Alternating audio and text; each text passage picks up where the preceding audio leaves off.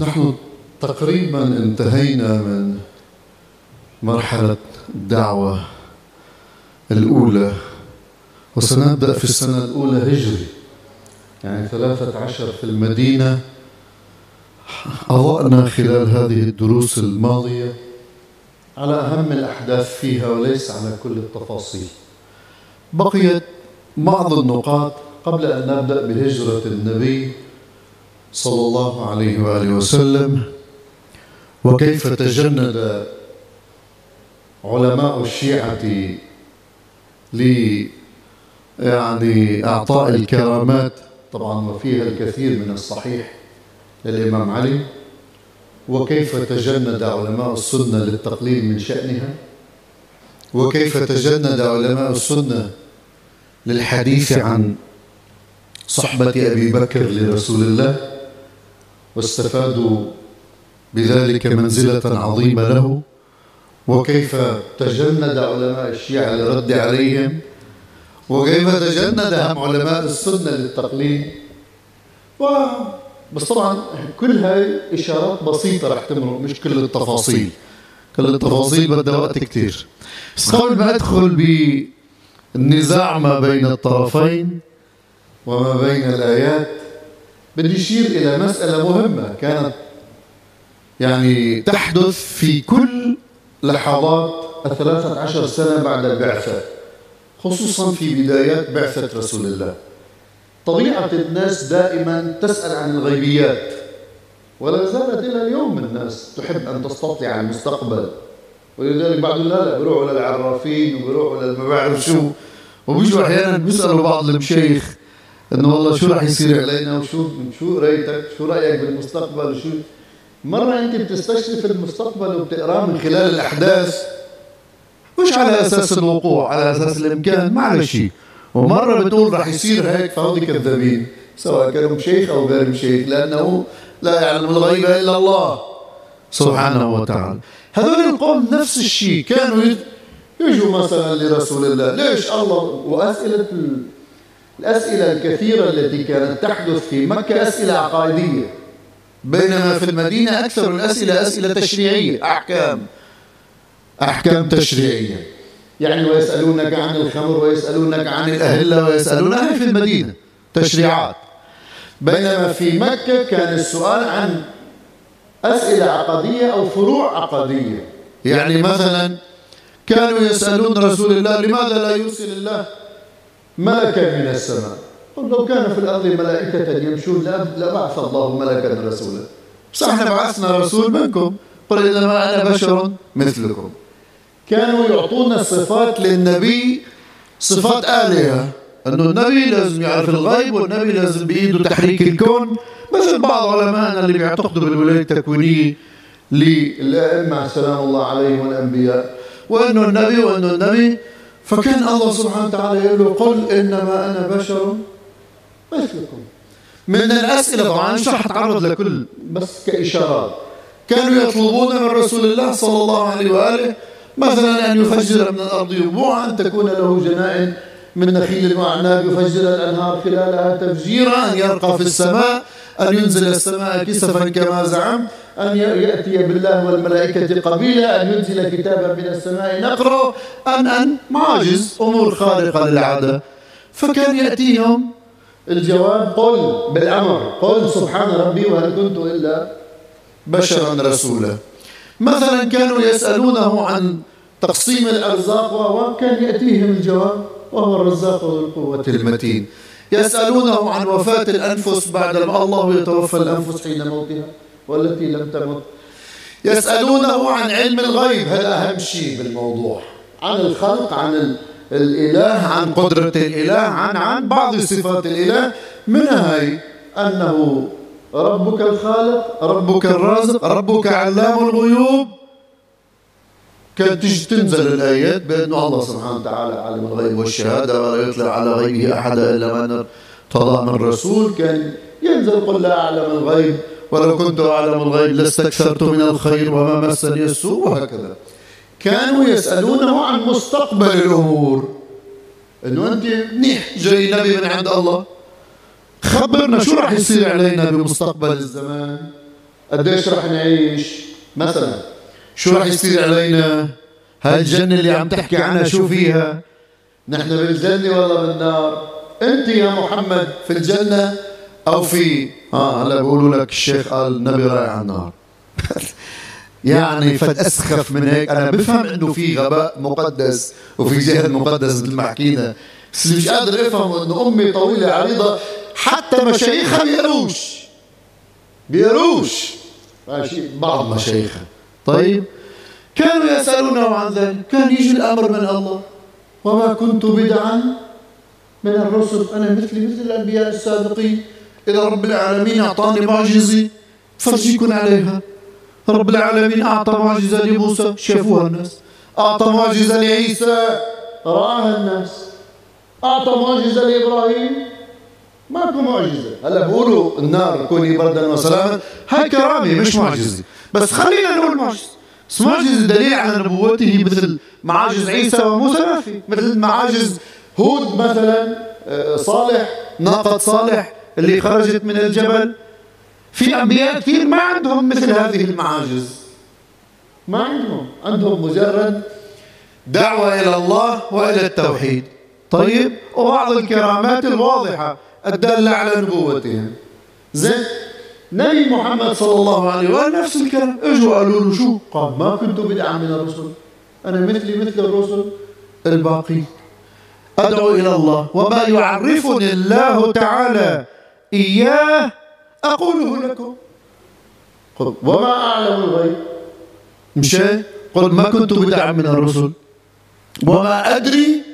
لاحظ وما أدري ما يفعل بي ولا بكم أنا ما بعرف شو في بمستقبل الزمان إلا إذا ربي خبرني. أنا عم خلي الإله مشان ما ما يقطشوش الحكي.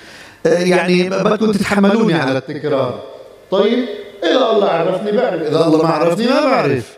هاي اللي مر قلناها بالزمانات وهجموا ما شاء الله الاشاوس كل الاصول العقيده طلعوا كل العالم تفهم إلا نحن. شيء هاي مثل درس الماضي كنا عم نحكي إنه النبي ما التقى بالجن. يا لطيف هبوا. يا شيخ روح البس بنطلونه. أنه والله ما سليمان يعني أنتم مرق عليكم سليمان بالقرآن وأنا مش مرق علي أنه مرق عليكم إنه رب العالمين سخر له الجن وعفاريت من الجن يصنعون له تماثيل ومحاريب ويغوصون له في البحر. أنتم مر عليكم مش مر عليكم أنتم أنه الجن والله مثلا قام ببناء الهيكل. وأمرهم سليمان ما حدا حتى مات على من سيئته ولو كانت الجن تعلم الغيب ما لبثوا في العذاب المهين. أنتم مر عليكم إحنا مش مر علينا. هذا الغباء المقدس إنه واحد بفكر حاله بيفهم وبيقدس غباءه وبيغلفه بشو؟ بغلفوا بفهم مصطنع بجهل مصطنع. في أغبى من هيك أمي؟ ما في. على كل حال ما بلا طول سيرة بس ما في شواهد دقيقة إحنا أبناء الدليل. إحنا مش أبناء الجهل ولا أبناء الخرافة ولا أبناء الكذابين ولا أبناء الوضاعين ولا أبناء الببغاوات الناقلين للحديث من دون فهم وتدبر. إمام علي عليه السلام علمنا ذلك. قال ما أكثر اعقلوا الحديث عقلا.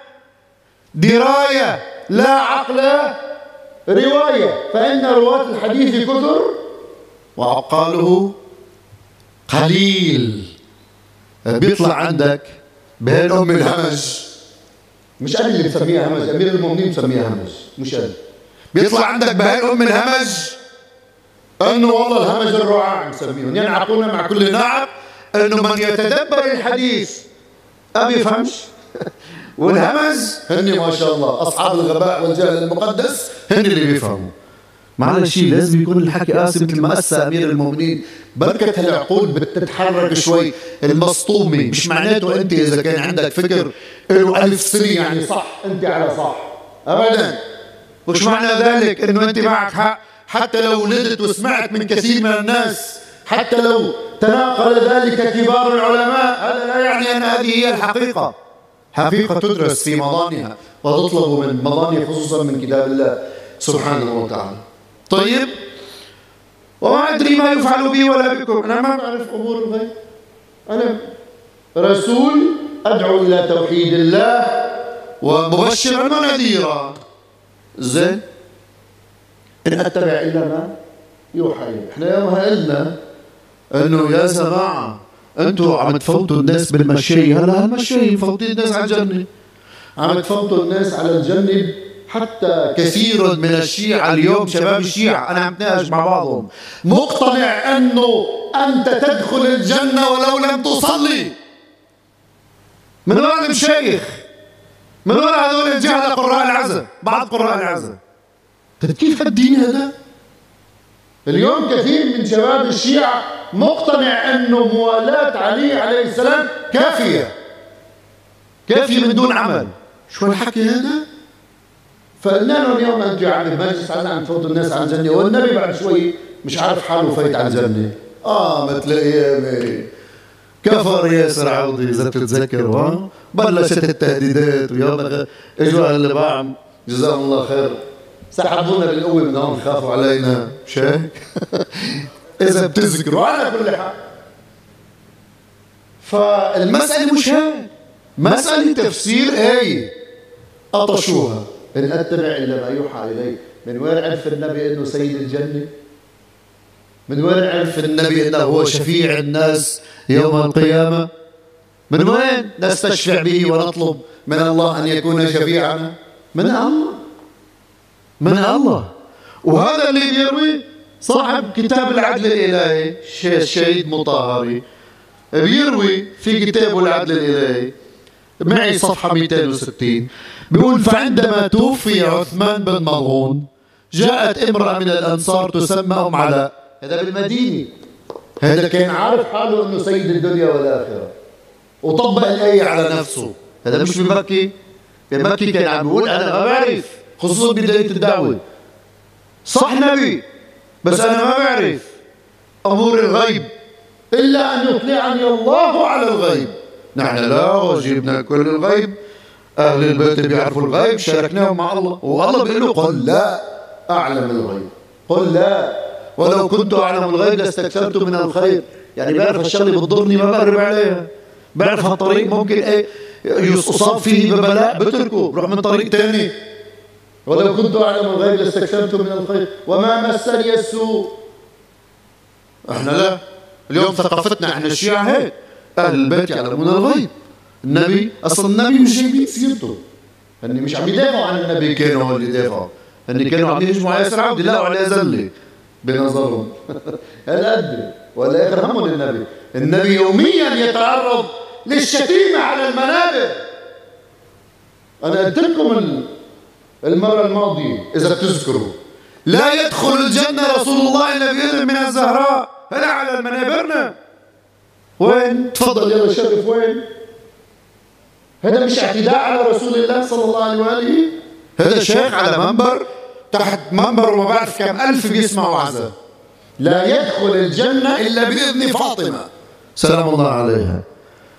لما الله سبحانه وتعالى لولا فاطمة ما خلقتك. ولولا الزهراء ما خلقتكما. لا أنت ولا علي بن أبي طالب. هذا معنى شيء هذا دين. هذا دين وهذا إيمان وهذا تشيع وهذا هو المذهب الصحيح. يعني الأكاذيب مذهب شيعي صحيح. والقول الموافق للقرآن مش مذهب شيعي صحيح؟ شو هالمنطق؟ وين العقول؟ أين هي العقول؟ يعني اليوم وقت اللي بيطلع لك شيخ مثلا على المنبر بيقول إنه يوم الأيام حتى الأنبياء لا يدخلون الجنة إلا بإذن الحسين. طبعا حيرونا بين الحسين ساعة والامام علي ساعة. وقت اللي بيطلع لك شيخ بيقول لك أهل البيت هم من يحاسبون الناس يوم القيامة. وبيستدلني بزيارة الجامعة. لك يا عمي زيارة الجامعة. أيوة أولاد زيارة الجامعة ولا القرآن؟ القرآن بيقول الله إن إلينا إيابهم ثم إن علينا حسابهم. قال لك لا بزيارة الجامعة فيه وحساب الخلق عليكم وإيابهم إليكم. طيب كيف هالمنطق وهذا هذا عم بيدافعوا عنه بيدافعوا بجريهم يعني هلا إذا بفوتوا على الفيسبوك يمكن تشوفوا من بعض أصحاب الغباء المقدس كيف نازلين فيه شتم. ليش؟ لأنه خلص مقتنع مركز هالشكل مش مستعد يفكر. بيطلع لك شيخ مثلا بيقول لك انه أنه مثلا عزرائيل ما استرجى يقبض روح الحسين عليه السلام. راح عند الله أنه أنا برفض أمرك. برفض ما في. لك يا عمي هؤلاء يعصون الله ملائكة أنت ضد القرآن. لا يعصون الله ما أمرهم وهم بأمره يعملون. بيطلع لك شيخ قديش بدي أقول لك؟ شو في حكاية. قديش بدي أقول لك؟ طيب هذا الجهل المعلق المعطى صفة قداسة الدين والروايات المكذوبة يعني جهل مقدس هذا اللي ماشي حاله. بس الدين مش ماشي حاله. تفضل. يقول في أسد الغابة هو يروي عنه أنه أم علاء زوجته لعثمان بن مظعون كان ببيته وقت اللي توفى وبالجنازة ماشيين والنبي بكي على عثمان بن مظعون من كبار الصحابة وأجلائهم قالت له هنيئا لك الجنة. مع أن عثمان بن مظعون رجل جليل القدر وقد أبكى موته رسول الله بكاء مرا حتى أنه صلى الله عليه وآله كاد قد يقذف نفسه على الجثمان. ويقبله ولكنه استاء من هذا القول. مع كل حزنه وعم بيوطي على الجنازة يبوسها حسب ما قال. طيب؟ قال استاء من قوله إنه هنيئا لك الجنة. اليوم الجنة إحنا عم نوزعها بلاش! بلاش بنعطيها كلنا صغار وكبار نسوان ورجال مش هيك ولا مش هيك ولا مش هيك؟ هذا على الجنة هذا على النار. هذا على البيت هذا ضد ضد أهل البيت. هذا موالي هذا عدو أهل البيت. هذا بتري هذا سني هذا وعمنا نوزع مفاتيح الله بإيدنا. نبي ما يبل وهي موافقة للقرآن بغض النظر عن أسانيدها. طيب قال ومن أين تعلمين؟ ولماذا بدون علم تحكمين؟ إنه أنت وقت عم تقولي هذا من أهل الجنة معناته شو عم تقولي؟ يعني معك معك علم. يعني الله قال لك من كبار الصحابة. قال لك كيف عم تحكمي؟ أنا نبي ولا أدري ما يفعل بي. أنا نبي. عم بيطبق الآية مع أنه عرف صار بالم... هذا الحكي بالمدينة. عثمان بن مضغون توفى بالمدينة مش بمكة ولا زال يطبق الآية حتى يعلم المسلمين أنه لا تحكموا على الله. الله اللي بإيده الجنة والنار.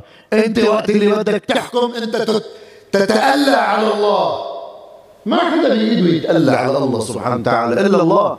الله اللي بيحكم مش أنت ولا أنا ولا حدا بيعطي جنة وبيعطي نار. طيب.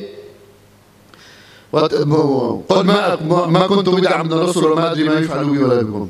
زين. فأجابت المرأة يا رسول الله إنه رفيقك وجليسك وشريكك في الجهاد. فأجاب الرسول الأعظم صلى الله عليه وآله بجملة عجيبة. بيقول الشهيد مطهر تستدعي الدقة.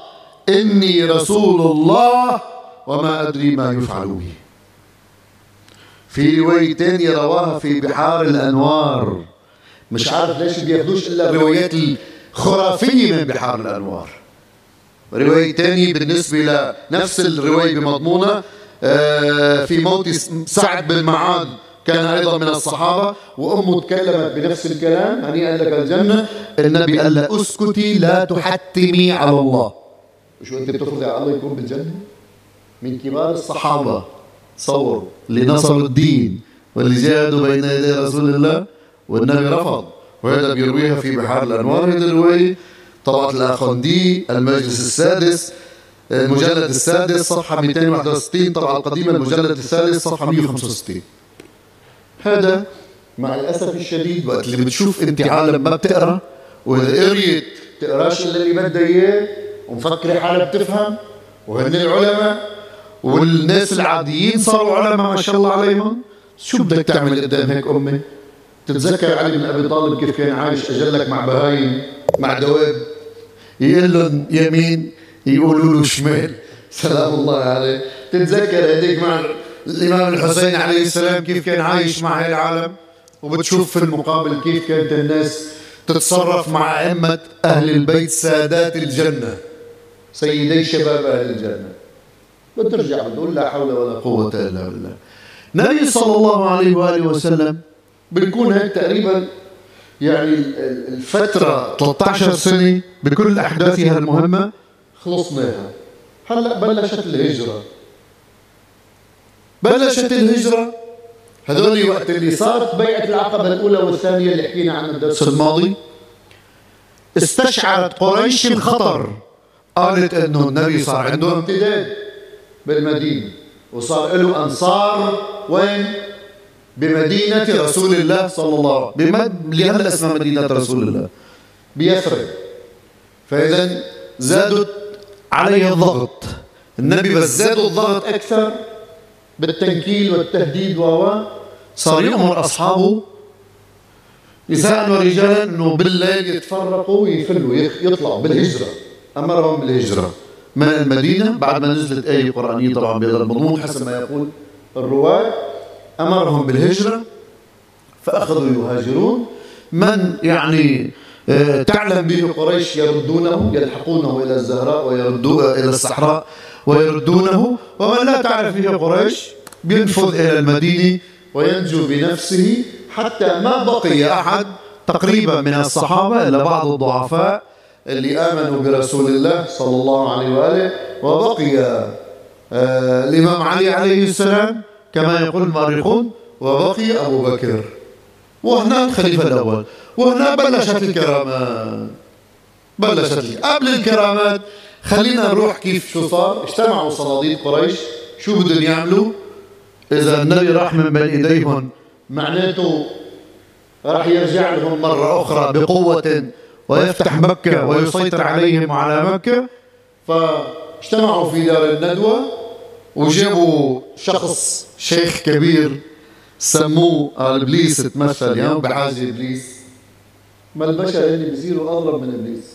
وكنت فتى من جندي إبليس فارتقى بي الحال حتى صار إبليس من جندي. يعني صناديد قريش بدهم إبليس يوزوز له من بس خلص الراوي والقصاص بصير بده يوضع. من عنده ما شاء الله من الروايات.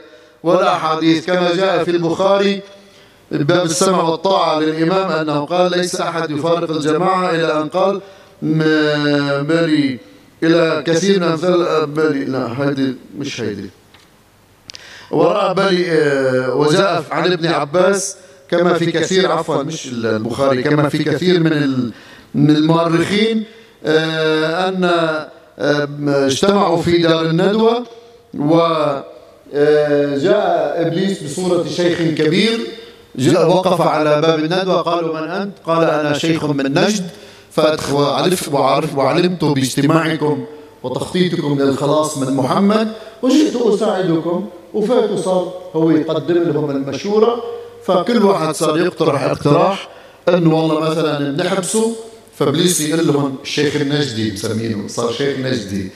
طبعا ده حكاية هن لحالهم مثل ما قلت هذه كلها قصص ما أي قيمة. ولذلك مش رح فوت بتفاصيلها ولا رح أقرأ لكم إياها. ف آه، يقول لهم لا إذا حبسناه رح تطالب فيه عشيرته بني هاشم. راحوا لقصه ثانية إنه مثلا آه، يثبتوه يعني يحبسوه آه، أو يخرجوه. بيعملوا له تهجير قصري.